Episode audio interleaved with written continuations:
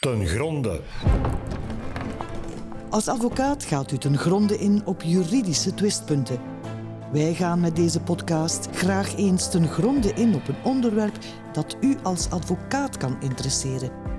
Ik ben Sophie de Meijer, woordvoerder van de OVB. Op 12 mei wordt in Mechelen de Dag van de Rechtsstaat georganiseerd. Aanvankelijk stond die gepland op 16 november. Maar door de nieuwe opstoot van de coronapandemie kon die toen niet doorgaan. De OVB is een van de mede-organisatoren en daarom spreek ik nu met een van de centrale sprekers op dat event. De Nederlandse succesauteur Ilia Leonard Pfeiffer. Goedemiddag, meneer Pfeiffer. U woont al sinds 2008 in Italië, in Genova, of Genua in het Nederlands. Ik interview u dus online. Wij kennen u onder meer van uw columns in De Standaard. In volle coronapandemie zat u letterlijk opgesloten in uw appartement in Genua. Het leverde tal van bespiegelingen van u op, onder meer ook over de rechtsstaat. Wat waren uw bevindingen daarover toen?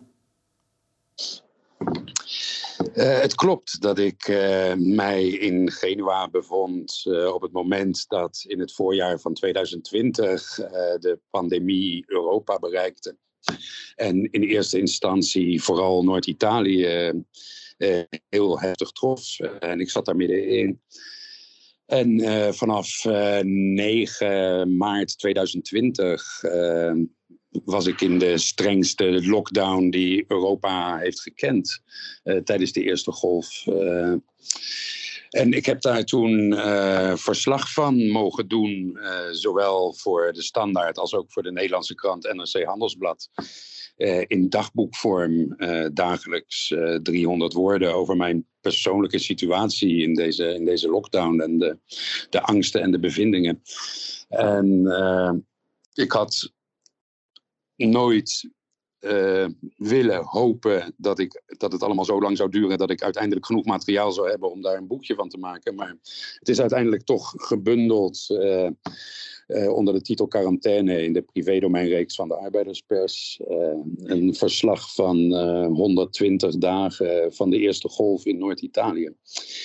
En wat ik daarvan heb geleerd, uh, ja, dat zijn heel veel verschillende dingen. En dat zijn ook een aantal, uh, een aantal aspecten die ik heel graag uh, tijdens de Dag van de Rechtsstaat aan bod zou willen brengen.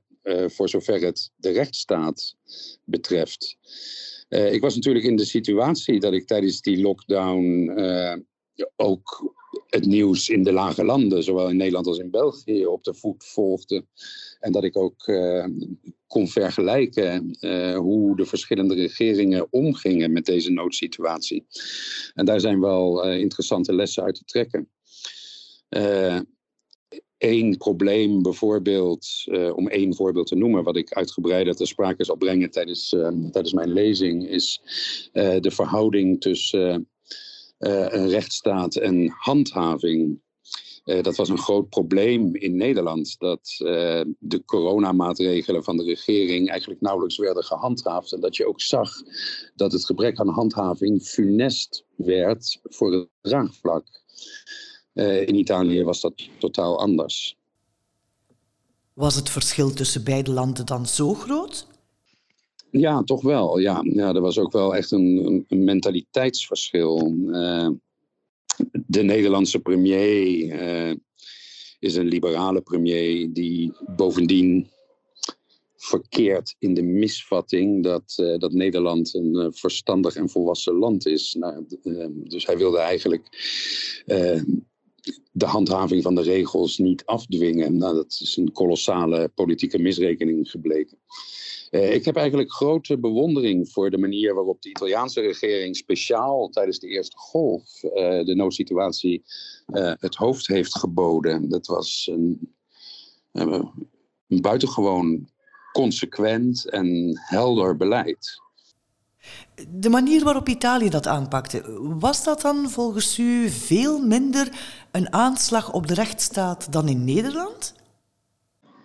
Uh, nou ja, je zou kunnen zeggen dat de, de noodsituatie als zodanig uh, een testcase was voor de rechtsstaat en allerlei principes van de rechtsstaat uh, op losse schroeven zetten tijdelijk.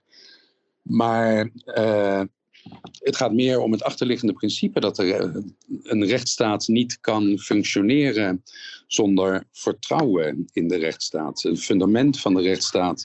Kijk, we kunnen het uitgebreid hebben over de technische aspecten van allerlei wetgeving en regels en dat soort dingen.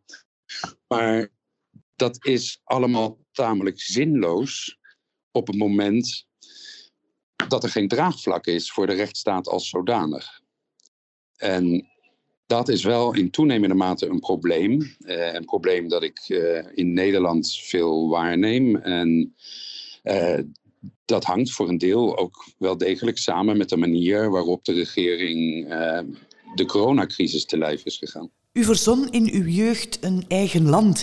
Was daarin ook al sprake van een vorm van rechtsstaat? En zo ja, hoe, hoe zag die er dan uit voor u? U bent bijzonder goed geïnformeerd, mijn complimenten. Maar het is waar, ja, ik heb toen ik jong was een eigen land verzonnen.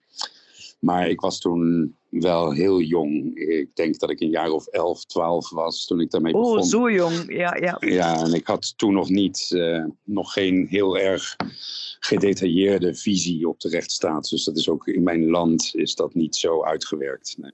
Hoe ziet uw ideale maatschappijvorm eruit? Uh, ik dank u dat u uh, zulke grote vragen stelt. Ja. Dat is nogal wat. Uh, ja. ik denk dat een ideale maatschappij gebaseerd zou moeten zijn op het principe van een sterke overheid die maximale vrijheid garandeert voor al haar burgers. En dat betekent uh, niet voor sommige burgers wat meer vrijheid dan voor andere burgers, maar voor alle burgers. En een misvatting uh, die vrij algemeen is, is dat uh, deze vrijheid zou moeten worden vertaald in economische termen. Dus dat de overheid de garanties moet scheppen voor vrijhandel. Uh, dat is een misverstand, want uh, de vrije markt en kapitalisme en de uitwassen daarvan met name leiden niet tot meer vrijheid van individuen. Integendeel. Dus daarom denk ik dat er een sterke overheid nodig is die de markt reguleert. U alludeerde daarnet al eventjes aan de zaken die u zal vertellen aan het publiek dat de dag van de rechtsstaat bijwoont. Wat is de boodschap die u aan de mensen wil meegeven?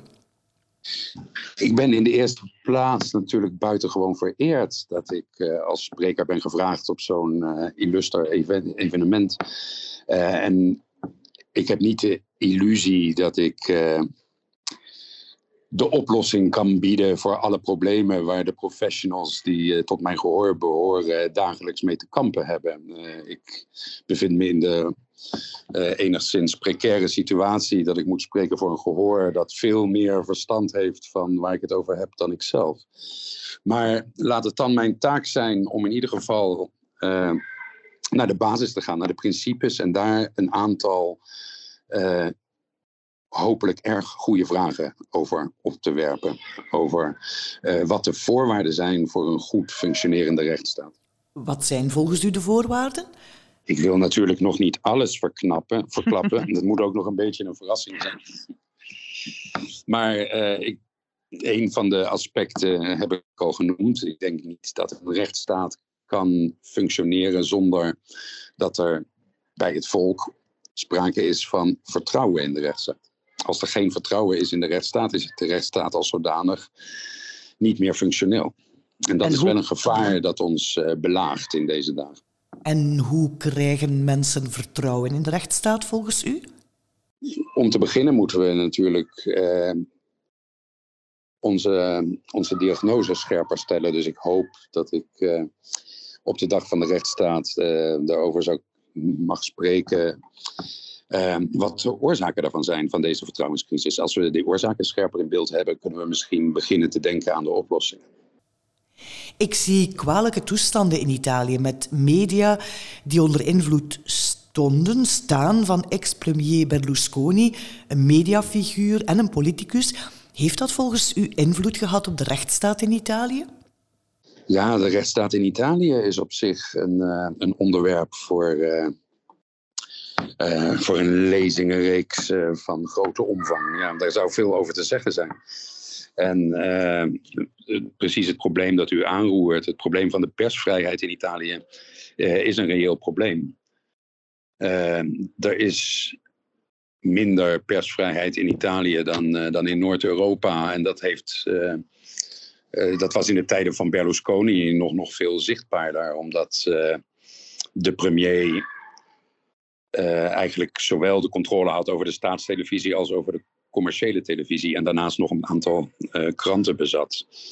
Dat is nu niet meer het geval, maar dat wil niet zeggen dat de persvrijheid nu 100% in orde is in Italië. Merkt u verschillen in de persvrijheid in Italië en landen als België en Nederland bijvoorbeeld?